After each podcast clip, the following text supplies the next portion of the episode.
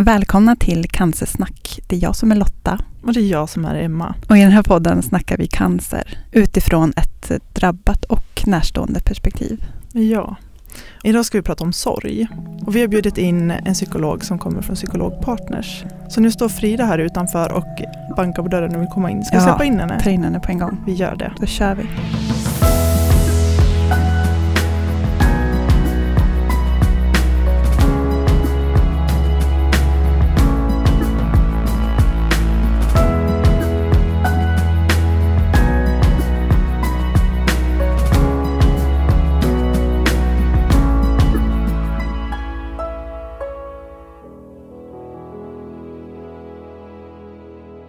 Välkommen hit Frida. Tack.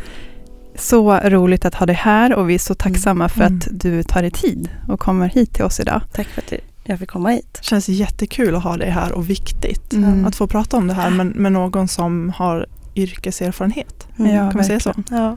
Och viktigt för mig att få komma hit och prata Ja. om det också. Mm. Ett ämne som berör Mm. oss alla. Mm. Men vi tänkte att du kan få presentera dig själv Mm. lite grann först. Jag heter Frida och eh, jobbar som psykolog på Psykologpartners. Där jag jobbar med i samtal och i handledning kring barn, unga och unga vuxna framför allt. Mm. Med olika svårigheter. Och en del så jobbar jag också i och med att vi har ett samarbete med organisationen Ung Cancer. Mm. så jobbar jag med medlemmar i Ung Cancer i samtalsstöd Ja. också. För där kom ju vi i kontakt med psykologpartners lite grann. I och med att jag och Emma har jobbat som, eller volontärjobbat som eh, träffansvariga förut. Så på deras utbildningar så kom ju ni dit och hade, ju, hade workshops och sådär. Precis, så vi jobbar både med organisationen i Ung Cancer och så jobbar vi med medlemmar Mm. i samtal och så. Så viktigt och fint jobb. Jättebra. Ett jobb som vi tycker, väl, ja, Mm. vi tycker är väldigt viktigt. Ja, Mm. verkligen. Ja det är det. Det kan Mm. ju både du och jag känna Lotta att vi, vi har fått mycket hjälp från Psykologpartners. Mm. De, de delarna har varit viktigt. Mm. Vi ska ju prata sorg idag.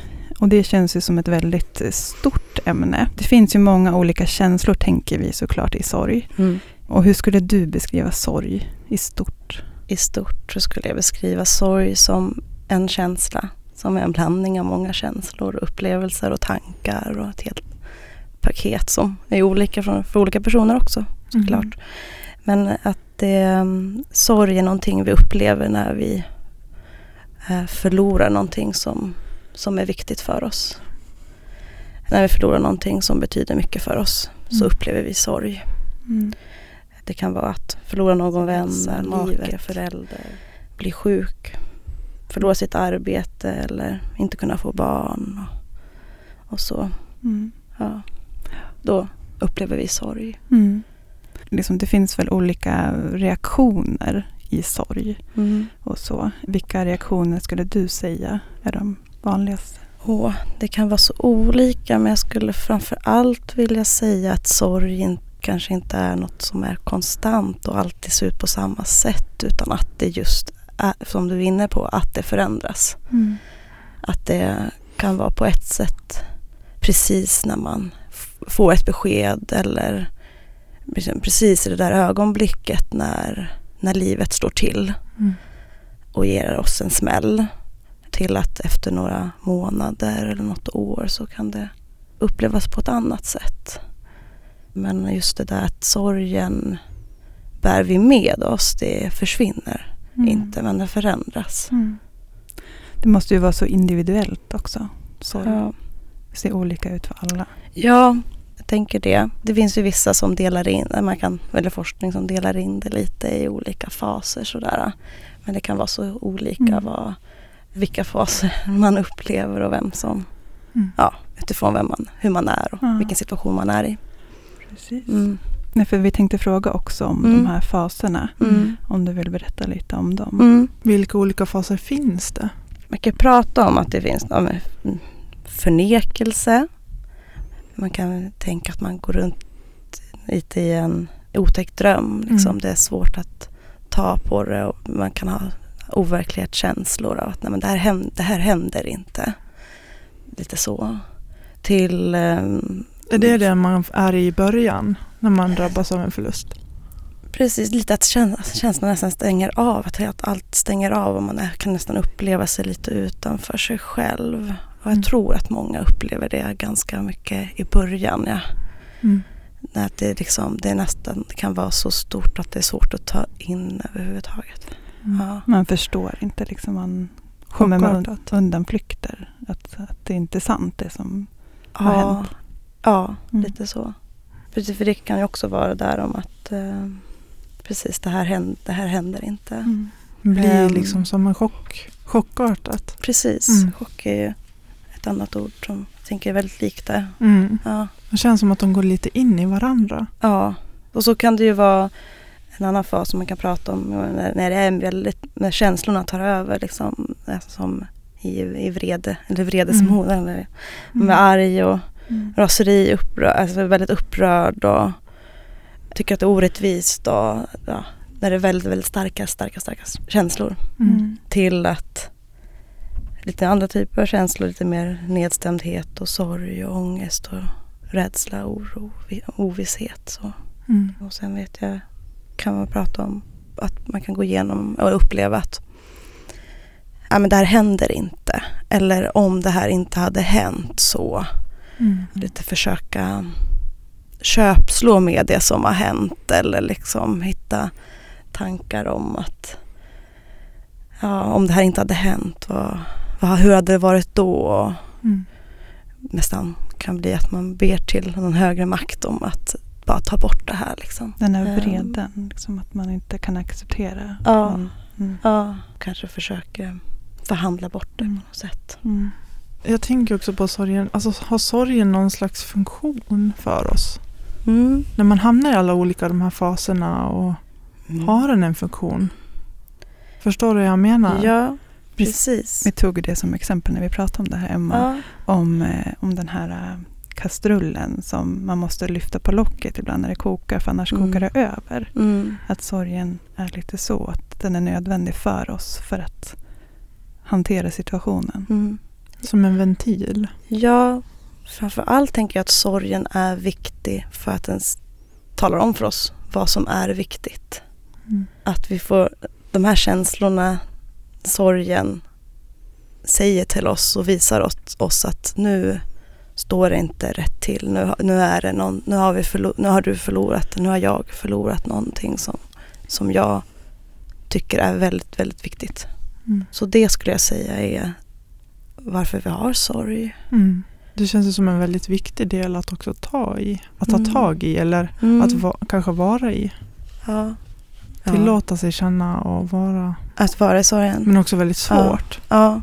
Det är väl också väldigt individuellt hur, Mm. hur man hanterar sorg. Det är väl något som Mm. kommer också bli väldigt en röd tråd i hela det här avsnittet. Att allting är individuellt. Man hanterar det på olika sätt. Mm. Sorgen ser olika ut Mm. beroende på vem vi är. Mm. Sorg är någonting som vi alla har och sorg är någonting, det är normalt. Ja, sorg är ju också någonting väldigt jobbigt. Kan, Mm. Är det vanligt att man flyr ifrån den?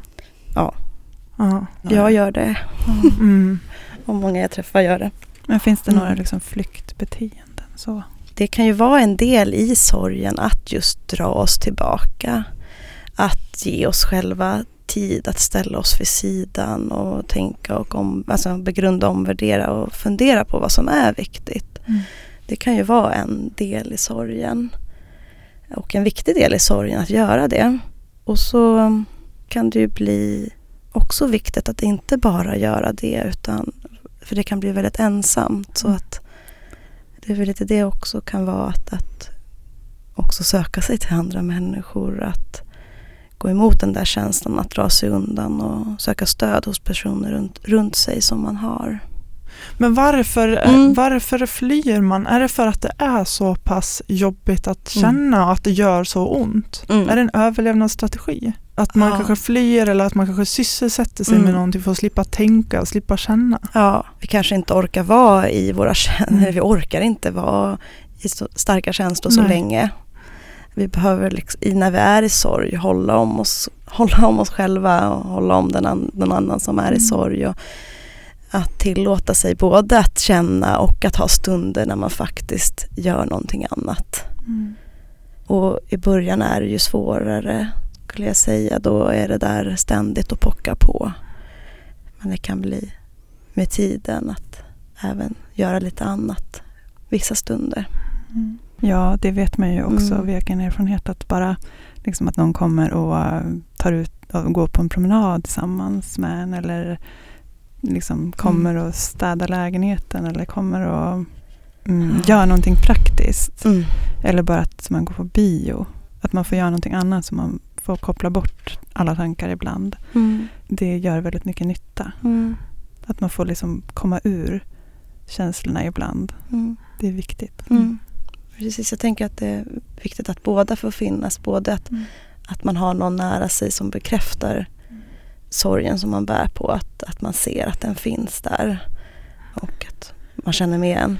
Och också det där med att hjälpa till att, att hitta vidare eller hitta, hitta stunder där man kan där det är okej att göra annat. Mm. Det är okej att gå på bio. Det är okej att gå en promenad. Mm. Ehm, Okej att skratta ibland. Ja, det är det. För vi pratade lite också om, när vi läste på lite så finns det ju de Mm. här tre H-na. Känner du till dem? Vilka är de? Du nämnde lite nu. Mm. Det här, äh, de- står för håll om, håll tyst och håll Ja. ut. Ja, just det. De är ganska talande Ja. för ja. det som du var inne på. ja, lite det ni, precis. Hur kan det, det kan ju kanske bli så, som ni pratade om också det här med att, att det är jobbigt att ha sorg och det är jobbigt att se någon annan ha sorg. Så kan det bli att vi gör saker för att hålla sorgen på avstånd. Mm. Även om vi kanske gör det i all välmening.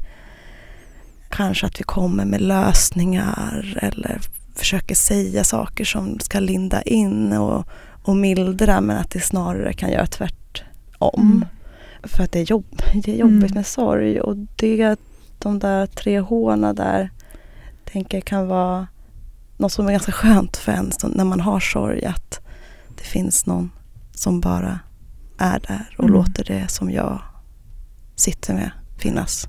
Jag tänker på det här som du nämner också, det lösningsfokus. Vi, eller lös, alltså att vi fokuserar på lösning och vi vill komma med en lösning. Varför gör vi det? Vad beror det på att vi hamnar i en sån situation att vi kommer med tips och råd? Det- är ju all välmening men det Mm. blir väldigt fel. tror att en del kan vara i hur vi har det i samhället att vi tänker att vi kan fixa allt. Mm.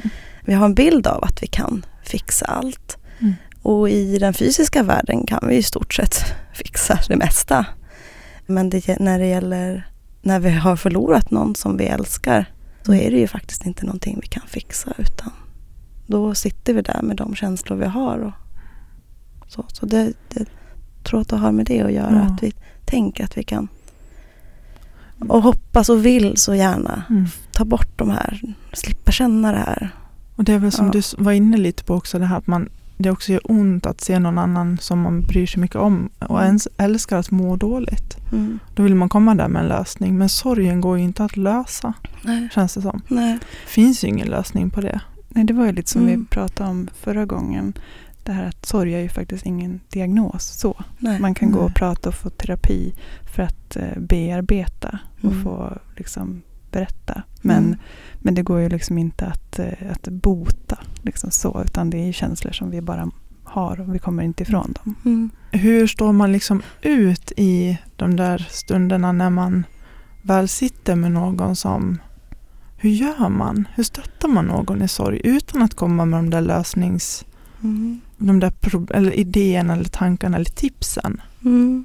Jag tycker att till exempel det i ert förra avsnitt att Mm. ni visar en del att, att prata om det. Att Mm. visa att det är okej att jag finns här om, om du vill prata om det.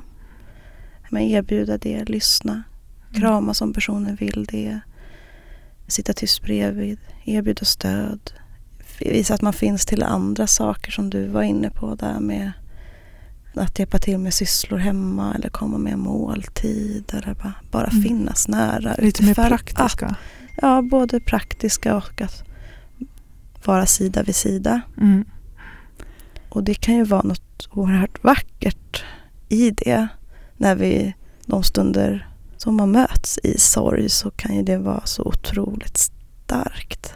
För där, alltså där känns det ju som att man knyter ett band på något vis. Jag kan ju känna mm. det med Lotta när vi har gått mm. igenom det här att man pratar om sådana svåra saker så blir det att man eller att vi har, man blottar ju sig själv mm. när man visar att man mår dåligt eller att man behöver hjälp. Mm. Och där någonstans så hittar man också ett band till varandra, mm. tänker jag. Ja. Kan du känna igen dig i det Lotta? Ja, alltså jag tror att det är viktigt att man tillåter sig själv att känna, känna och att, att faktiskt vara på botten. Liksom att, att det, mm. faktiskt, det har jag fått höra många gånger, att det faktiskt finns en styrka i att visa det också. Ja. Mm. Att man inte behöver visa att man är stark eller att man liksom minsann, alltså att man faktiskt vågar visa sig svag. Mm. Att det är en styrka i sig mm. och att det är viktigt. Men att det även är viktigt att tillåta sig att göra andra saker också. Som att eh, så stänga av ibland och göra andra saker. Mm. Och att då omgivningen finns där i alla lägen. Mm. tror jag är viktigt mm. och fint.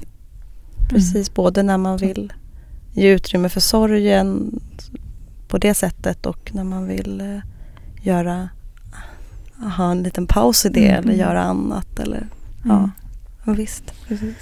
Och att också ha som, om, som någon som är står nära någon som, som har sorg och som har förlorat någon och så minnas också att den finns kvar. Mm. tänker jag att Det är någonting som, som, som du eller jag, vi bär med oss mm. resten av livet. De sorger vi har. Mm. Precis, för det känns ju också som en felaktig föreställning att man kommer över. Mm. För det gör man ju inte. Utan som du säger, att man kanske måste lära sig att leva med sorgen till slut. I början kanske den är väldigt central men att den med tiden lever med en istället, liksom vandrar bredvid. Typ. Mm. Det känns väldigt så här, ålderdomligt att man ska komma över. Mm. Mm. För det är väl inte det man gör. Liksom. Utan att man lär sig att leva med de fina mm. minnena. Liksom. Ja, sorgen mm. måste väl ändå ändras med tiden, eller? Ja, både med att tiden går och att vi under den tiden också gör olika saker för att mm. hantera våran sorg. Bearbeta den eller hantera den mm. på olika sätt. Hur lång tid kan sorg ta? Eller, det är ju det där, det tar ju från att det händer till resten av livet skulle jag säga. Mm. Liksom. Mm. Men att det kan vara man brukar prata om att i alla fall nio månader eller första året att man ska ta sig igenom ett år sådär av högtid. Man har förlorat någon kanske med högtider och sådär. mm. Ett år. Det här sorgeåret. brukar man prata om. Ja. Sorgeåret som man brukar nämna. Är det mm. det du menar? Ja. Och det är väl det också som har med det här äh, håll ut. Att det kanske är viktigt både från sjukvårdens sida och omgivningens att se. För vi har också läst på lite om det här med riskgrupper till exempel. Att det mm. faktiskt finns de som, som behöver långvarigt stöd. Mm. Och inte bara liksom att man tror att man kan åka dit och hjälpa till och diska och laga mat första månaden och sen är det bra. Mm. Utan att det faktiskt behövs en längre tid än mm. så. Precis, det, kan, det kanske inte är där första månaden utan att första månaden kanske man bara är i någonting att bita ihop. Och att man skjuter ifrån, om det skulle vara så att man skjuter ifrån sig sorgen och inte, vill hantera, inte har möjlighet eller ork eller kraft just nu att faktiskt hantera den utan att man har fullt upp med, med annat så mm. kan det ju vara att det där kommer till en senare. Den förskjuts. Ja, att också stödet behövs mm. på olika sätt, på olika tider. Mm.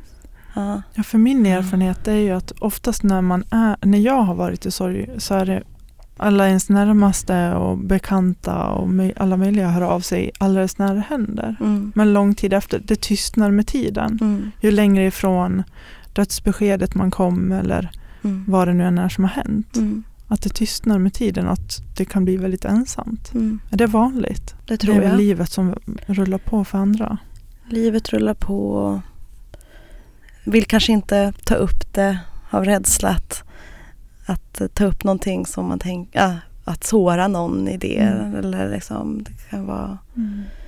i all välmening tänker mm. jag. Men att, eh, eller att, vi, att man bara inte tänker på det. Mm. Men hur länge, om man ser någon, apropå de här riskgrupperna som Lotta tog upp. Hur gör man om man ser att någon har fastnat i sorg och att det Mm. börjar bli destruktivt. Mm. Hur kan man då som, när man står bredvid, hur kan man göra, Mm. Har du något tips och råd att ge där? Om man ser att någon har fastnat i en sorg så den börjar bli destruktivt och inte mår, ja men he, ja, helt enkelt inte mår bra. Mm. Det kan ju vara att försöka hjälpa personen att komma till någon, att komma till vårdcentral till exempel. Att, och att det kan vara att verkligen gå, om det är någon som mår väldigt, väldigt dåligt, att hjälpa dem med att, att boka en tid och, och gå dit med personen. Att kan behöva stöd med det. I det. Mm. Underlätta sådana här praktiska saker. Ja, och att Samtal hjälpa och, till ja. att, det, att personen kommer till Mm. någon som Mm. den kan få hjälp av och att vi liksom prata om att det finns hjälp att få. Att man vågar. För att komma vidare just som du pratar om, om man, har, om man fastnar. Ja. Och det gör vi ju till och från. Mm. Och ibland kommer vi ur med hjälp av en väns knuff eller ibland Mm. behöver vi professionell hjälp. Mm. Men då kommer vi nästan in på, vi läste på Cancerfondens hemsida och de uppmärksammar just nu en, eh, en studie som, som håller på med sorgforskning Mm. och som ska hjälpa närstående. För man har sett att eh, närstående ofta får en otroligt stor betydelse för vården av den eh, cancersjuka Mm. och påverkas ju såklart kraftigt av den situation som det befinner sig i. Mm. Och vården har ju ett ansvar för dessa personer och eh, både under och efter den här tiden Mm. just med sorgprocessen. Mm. Och att det är viktigt att man försöker fånga upp det här just eh, runt närstående. Och att liksom för en närstående att det är viktigt att man vet, att man får veta att det faktiskt finns hjälp i form av kuratorer och, och sånt Mm. redan innan, Mm. liksom när den pågående vården är kanske i sitt slutskede. Så. Mm. Och även information kan vara viktigt om just liksom palliativ vård och sådär. Att det ska hjälpa sorgprocessen. Mm. Och även det här med riskgrupper, att, att det är viktigt från sjukvårdens sida att man fångar upp dem tidigt. Mm. För det känns ju som att det är en, en brist idag och att det skulle kunna göras mer på den Mm. biten. Mm. Precis, och både att, att, att eh, ge och öppna upp för information till anhöriga kring vården. Ja. Liksom vilken, vilket stöd och vilken hjälp det finns att få som anhörig. Och Mm. att det finns stöd och hjälp att få som anhörig. Mm. Precis. Både i kampen, Mm. just när man är i kampen mot cancern och efteråt Mm. också. Ja, Och vidare. precis. För det känns som att det kanske inte den som Mm. står bredvid alltid orkar göra själv. Mm. Att den kanske inte tänker på sig själv så Nej. först liksom mitt i det. Liksom. Men att det ändå är en viktig bit från sjukvårdens sida att erbjuda att det finns stöd och Mm. hjälp att få och även information. Mm. Så det är väl lite det den här forskningen tar upp och Mm. det känns ju som en jätteviktig Mm. viktig sak att forska kring såklart. Det är Mm. jättebra för att jag tänker att det är ett, Mm. ett jättestort lass att dra som, som närstående eller an, anhörig att Mm. vårda någon i livets slutskede också när man inser och vet vad som är på gång att ske. Att nu är Mm. det inte lång tid kvar innan Mm. slutet är här. Mm. Och bara Mm. den insikten måste ju vara oerhört tuff. Mm. Att Mm. hantera den själv, det Ja. känns ju nästan Ja. övermän- alltså omänskligt. Och att informationen då, det är viktigt att den finns Ja. där innan eller Mm. inför Mm. eller att så. Mm. Precis. Så att när... ja. Vart man kanske kan vända sig Mm. eller Mm. hur man kan, alltså att man kan få hjälp att hantera den situationen. Mm. Så att sorgen liksom hinner få ta plats faktiskt. Eh, För att det känns som att känslorna kan stängas ute när det ligger så mycket ansvar i Mm. den närstående. Mm. Att eh, då sorg, de känslorna, de får liksom inte riktigt plats. Nej. Nej, jag tänker det. Man är mitt i striden, Mm. mitt i stormen och bara kämpa med att, Mm. att, eh, med, överle- med att överleva. Mm. Då är det, kan det vara svårt att öppna upp för Ja. där i. Liksom. ja, jag tror att det är viktigt Ja. att bli sedd i det där. Ja. faktiskt. Och sen även eh, ef- efter den kontakten med sjukvården. Mm. Den erfarenhet som jag har är ju Mm. att banden faktiskt klipps helt. Och att det är liksom ingen som, som direkt kontaktar de som står runt omkring Nej. efter. Nej. Och det tror jag också är en viktig del i, i bearbetningen. Ja. Jag läste så fint på Barncancerfondens hemsida. Mm. För då, då var det en mamma och en pappa som hade förlorat eh, deras son. Och då skrev eh, den här mamman ett blogginlägg om att de hade fått komma på ett läkarmöte till den här, där sonen vårdades på den avdelningen. Och fick prata med sonens läkare i två timmar satt de och pratade. Mm. Och det revs upp jättemycket känslor hos mamman och pappan såklart. Bara att få komma till avdelningen mm. och se allt. Liksom. Och träffa personal och alla. Men att i slutändan så, så var det här väldigt skönt för dem. För att eh, känslor fick bearbetas och de fick liksom någon slags eh, bekräftelse i deras sorg. Och mm. de fick liksom, det var en bra bearbetning för dem att komma tillbaka så. Mm. Och det känns som en en mm. viktig bit. Att få möjlighet kanske att ställa frågor också. Ja, och, precis. Ja. Just i bearbetningsfasen, liksom, att det och, faktiskt finns en återkoppling där. Mm. Och där kan man också se och fånga upp kanske från sjukvårdens sida. Ja. Om det skulle finnas mer rutin i det. Liksom. Sen är ju mm. RRE ja. med resurser och allt. Men, ja. Ja, återigen det finnas en bekräftelse på att det här, det här fortsätter för er. Mm. Ja, så är det ju. Vården, är, vården kring er son, eller liksom, mm. den är, är, är, slut men det fortsätter ju för er mm. och att få hjälp vidare. Mm, precis. Och det måste ju också kunna liksom lindra psykisk ohälsa, depressioner, ångest, allt sånt. Så att jag menar, det är ju en, mm. Ett vinnande koncept ja. på alla plan, tänker mm. man ju. Om mm. det skulle finnas lite mer ordentliga rutiner på det här. Ja men absolut. Och just, jag tänker också att alltså har man mycket sorg, som vi pratade om innan, att det, det lite förskjuts eller att, att det är så mycket som pågår att man själv måste överleva. Mm. Och så kommer det sen senare den här smällen att, som du Lotta är inne på, psykisk ohälsa och att det kan bli lite mer långvarigt som vi var inne på tidigare också. Mm. Att man kan fastna i det. Mm. Och då om man får, att man har ett mer förebyggande tänk kring sorg. Mm. Att man också har uppföljning efteråt så känns det ju som mm. att man minskar mm. konsekvenserna av mm. en förlust mm. och sorgen. Att äh, öppna för möjlighet, eller att det är möjligt och äh, man vet vart man ska vända sig. Ja, ta hand om den. Att det, kommer som... och, ja, att det finns ett möte där så att man kan upptäcka eller målmyndigheten kan se att, ja.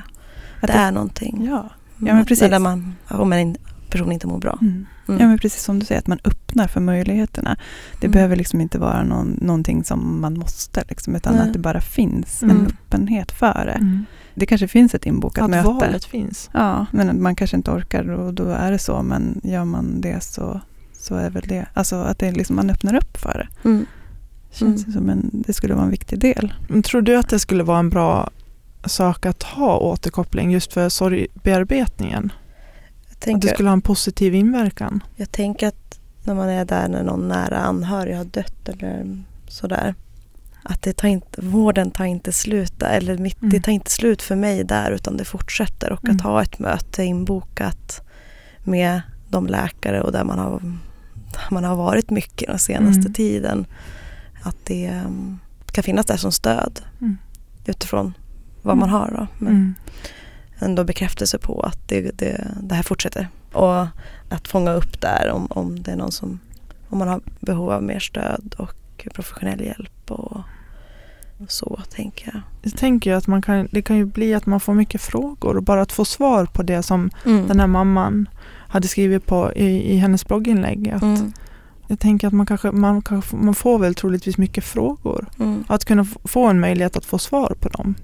Att det kan hjälpa i sorgbearbetningen. Något slags lugn. Sen kanske det inte är ett lugn heller men... Att få hjälp i att sätta ord på det som ja. har hänt, det som har varit, behandlingen, hur det har sett ut och det som faktiskt har hänt. Eh, så. För just information ja. är ju också en viktig del i ja. bearbetning. Det vet jag själv bara att jag har varit jätte det har varit jätteviktigt för mig med information. Sen är det säkert olika för alla. Men, eh, men om man vill tillges information, att den möjligheten finns. För mm. Det känns som att det är också en viktig del i bearbetningsprocessen. Så att man har möjlighet, som du säger, att ställa de frågorna. Mm. Och Sen tänkte jag också säga mm. att jag tror inte man ska vara rädd för att själv kontakta sjukvården eller en kurator eller mm. vårdcentralen eller en psykolog eller så. Mm. Om man känner att man har det här behovet så ska man kanske inte heller vara bara förbannad på att det är ingen som kontaktar en. Utan man, då, får man faktiskt, då kan man göra mm. det själv, att man inte ska vara rädd för det. Mm. För att eh, om man känner att det är en viktig del så, så ska man försöka och ta den kontakten själv. Mm. Ja, och viktigt är ju också att, också att sjukvården ser kanske ändrar om lite hur man ser att man behandlar inte bara en person, man behandlar inte mm. bara en cancer utan man behandlar en, en person som har mm. en cancersjukdom och den här personen har också nära Verkligen. släkt eller vänner mm. eller så som berörs väldigt mycket. Ja. Och under lång tid ofta. Ja, men det finns ju så mycket runt omkring en cancersjukdom. Det är som du mm. brukar säga Emma. Mm. Att det känns ibland som att de lyfter på huven. Mm, jag är en trasig bil. De ja. ser inte människan med känslor. Nej. Så har jag blivit bemött att här Emma har vi problem. Att nu ska vi ta hand om det. Nu är det fixat och klart. Ut och lev ditt liv. Ja. Så sitter man där med alla känslor och mm. både sorg och frustration och ett helt känsloliv som är upp och ner och Mm. kaos. Mm. Men att de inte ser människan utan man är bara ett problem som ska fixas. Mm. Cancern är problemet och Ja. nu har vi tagit bort den eller Ja. nu har vi gjort vad vi kan för stunden. Det är mina erfarenheter av vården att Sen har jag haft bra läkare också som har verkligen Mm. bemött mig som den människa jag är och Mm. tagit hand om mig i situationen. Mm. Men eh, det känns som att det finns väldigt många sådana exempel där man Mm. ser det som Mm. man lyfter på hu- motorhuven och fixar problemet så att Mm. säga. Som är cancer då till Mm. exempel. Och att det finns också så många runt omkring som du säger Frida. Mm. Och i och med en sorg och en förlust. Att det liksom inte bara är då sjukdomen. Liksom, utan det, det är så mycket runt omkring Mm. som Mm. man ofta Mm. glömmer. Och hur, vad det kan vara, vad gör de olika de läkarna som, du, som öppnar upp för det här att ändå bekräfta att, att de ser Mm. människan runt omkring det jämfört med, dem, med din andra upplevelse av de andra läkarna. Det behöver inte vara så stor skillnad. Det kan vara, det kan vara en fråga bara Mm. som gör att det blir en helt annan upplevelse Mm. för den och de som är i en tuff situation. Ja, absolut. Det är ju så små detaljer som kan skilja från en positiv erfarenhet från, till en negativ Mm. erfarenhet. Nej, men det känns ju som att smärta är en, en del av livet och det går inte att undvika smärta och liv, lidande i livet. Och att Mm. det är starkt sammankopplat med kärleken. Mm. Utan att vi Mm. skulle känna kärlek så skulle vi heller inte känna sorg. Och det här med att vi måste hjälpas åt. Mm. Idag så behöver hjälper någon mig och imorgon så hjälper jag någon. Ja. Mm. Att det är viktigt att komma ihåg det. Ja. Att det är liksom, För jag tänker sorgen är egentligen väldigt fint. För det är ju priset vi betalar för kärlek som du säger Lotta. Det är ju någonting, det är egentligen någonting väldigt fint. I och Mm. med att det är ett tecken på kärlek. Och just det där, kan du inte upprepa det du sa, det, det sista du var på väg att säga det här med, som du började att, ja men precis, att idag hjälper någon mig och imorgon hjälper jag någon. Och vi, att vi, vi behöver ju varandra. Mm. Och även glädjen, glädje och sorg ligger ju väldigt nära varandra tänker Mm. jag. Just det här med glada och varma minnen som ändå Mm. man mår så bra av Mm. i den här fruktansvärda sorgen. Så det är ju som du sa i början, det är så mycket känslor Ja. i en sorg. Och jag Mm. tänker det som du är inne på att alla känslor är okej och det är viktigt att tillåta sig själv att vara ledsen och att eh, tillåta sig att känna Mm. både ledsen och, och glädje för att kunna känna resten av våra känslor fullt ut så är det viktigt att vi tillåter oss att alla känslor är Mm. okej. Du och jag Lotta var ju inne lite på det här tidigare att man får lyssna på ett annat, eh, en annan podd där de pratar om sorg och just att det finns, eller jag tror det var du som sa det Lotta, just att det finns en, en föreställning om i, en bild i samhället hur man ska vara när man är i sorg. Mm. Att det i sig kan lägga skuld på den som har förlorat någon. Mm. Man kanske inte får skratta till exempel. Eller, och det känns ändå som en bild som blir väldigt fel. Mm. För varför ska man inte få skratta egentligen? Mm. Var kommer den bilden ifrån Mm. undrar ju jag. Det känns Mm. ganska gammalmodig. Ja, Mm. Att, verkligen. Förr så skulle man gå svartklädd liksom i minst ett år Mm. och inte skratta utan bara se ledsen ut. Det känns som en gan- ganska gammalmodig bild av sorg. För det är ju faktiskt mer än så. Som vi säger, det är så mycket känslor. Har den bilden av sorg över tid förändrats? Från hur det var förut till hur det är idag? Kan du som psykolog se någon skillnad? Kanske också en väldigt svår fråga. Jag hoppas ju att det ska förändras som ni säger, att det ska öppna upp för att det, sorg kan innehålla så mycket. Och att det är just det att vi har förlorat någonting som är viktigt. Mm. Och det vi har förlorat har både, troligtvis både gett oss, liksom, det ger oss nu väldigt mycket smärta. Just för att det har gett oss väldigt mycket glädje Mm. och varit viktigt för oss. Och är viktigt för oss. Men tror du att det ligger någonting i att det kommer från den här tiden med sorgeår som Lotta säger och att det är därifrån det kommer? Att det blir lite Ja.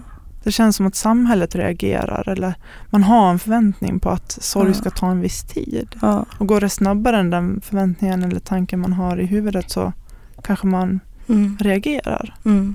Förstår du vad jag menar? Ja, att vi har vissa förutfattade meningar om hur det ska vara och det påverkar hur vi reagerar på en person som inte, Som inte som följer är, den. är inte följer den. Absolut. Till exempel som, ja, som Ung Cancer, tycker jag, så, som lyfter fram verkligen det här att alla Mm. känslor är okej. Mm. Att ehm, luckra upp lite i det här. Det är kanske mycket de här känslor av glädje och, och lycka och nyfikenhet. Det är kanske de som vi ofta lyfter fram och visar men det är också viktigt att ge utrymme till resten av de Ja, känslor som ja. vi har. Både för vår egen skull för att också kunna känna Mm. de här lycka och det så är det också viktigt att kunna känna Ja, för om, om man, sorg och så vidare. precis, om man stänger, nu kanske jag går in på ett annat spår, men just att om man stänger ner eller stänger av eller trycker ner de här, vad ska man säga, jobbiga, alltså sorgen, Mm. om man säger motsatta känslorna till glädje och skratt, alltså så, om man tänker sorgen och det jobbiga, Mm. Vad kan det leda till i längden? Kan det liksom bli farligt? Om du överlag har det sättet att hantera jobb och känslor på och Mm. framförallt de här känslorna som vi kan tycka är, vi tycker är obehagliga att ha så blir det att det blir svårt att känna andra känslor också. Mm. Försöker stänga in dem och trycka bort dem men då står vi där och kämpar och trycker kan jag någon liknelse med att vi står där och trycker som med en badboll och håller bort de här känslorna. Vi vill inte känna dem. Och i slutändan blir det att det är just vi så försöker trycka ner de här under ytan, att de inte ska finnas och inte vara.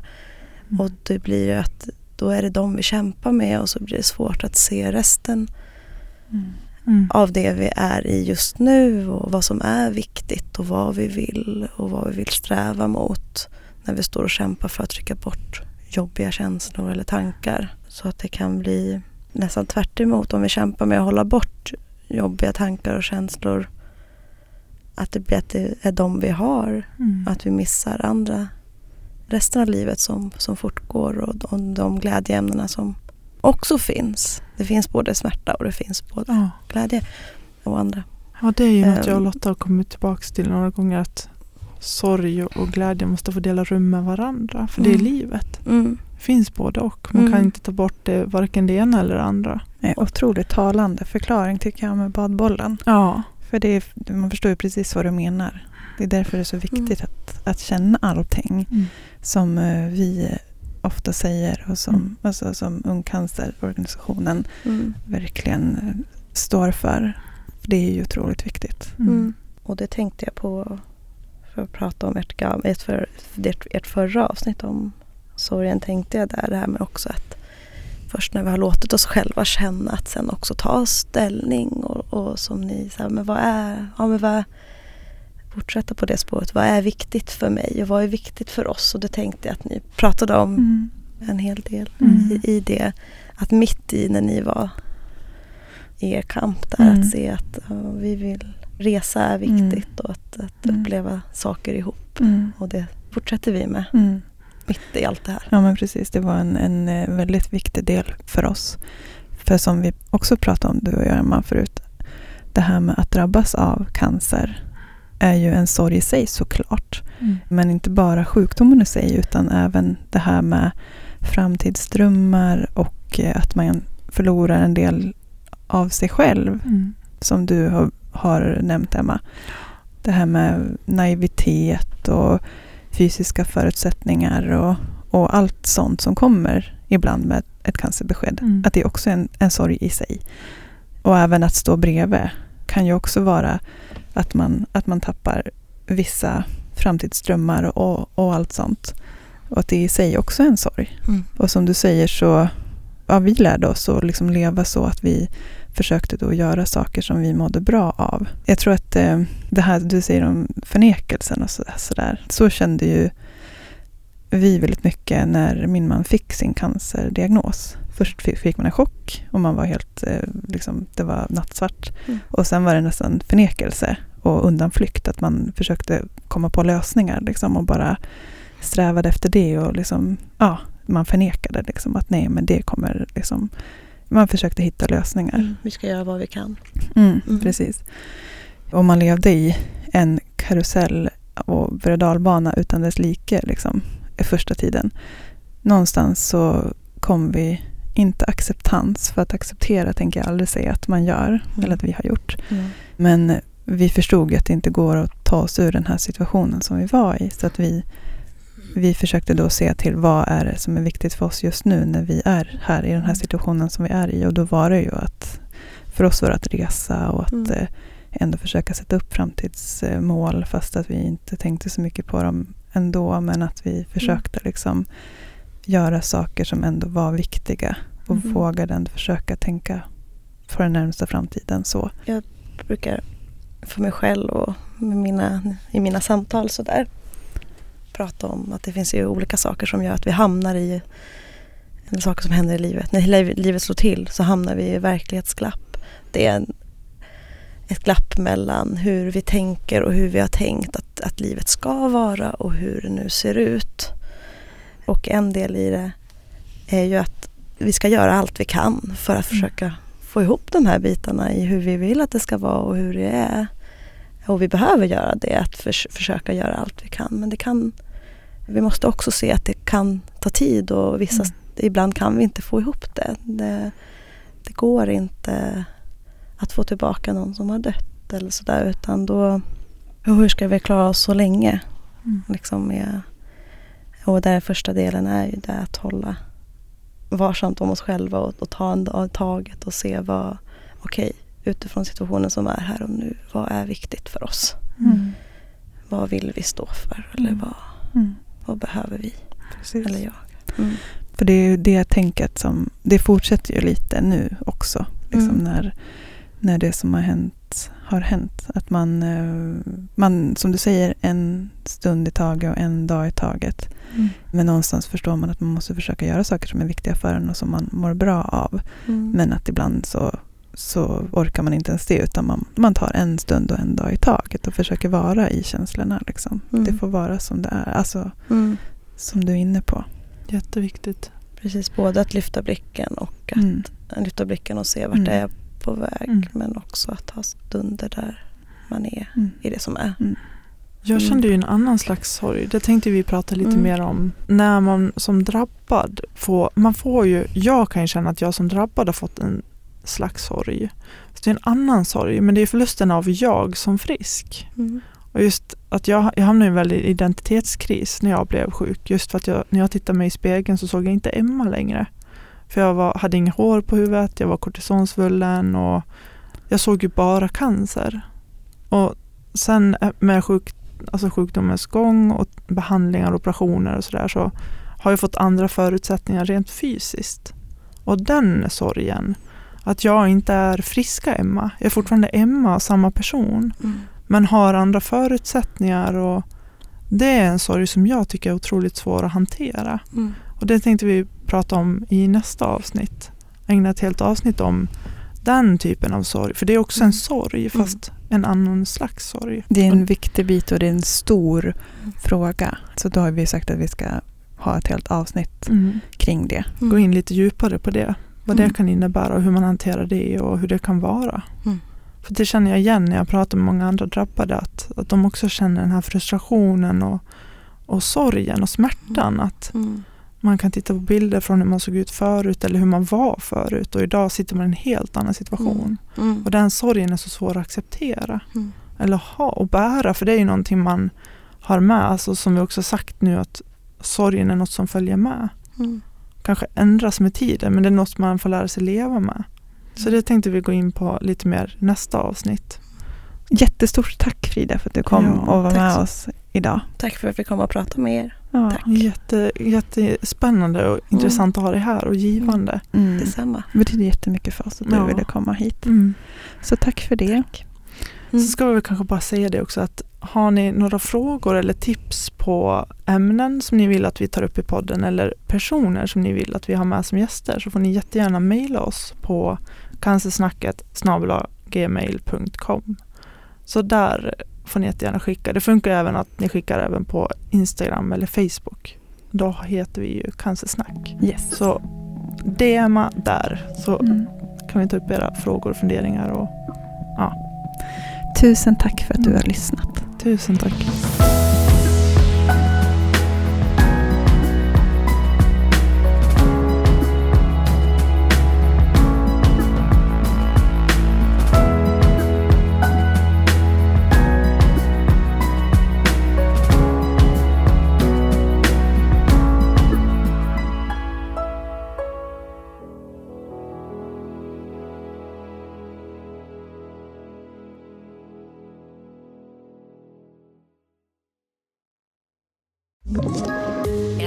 Poddtips från Podplay.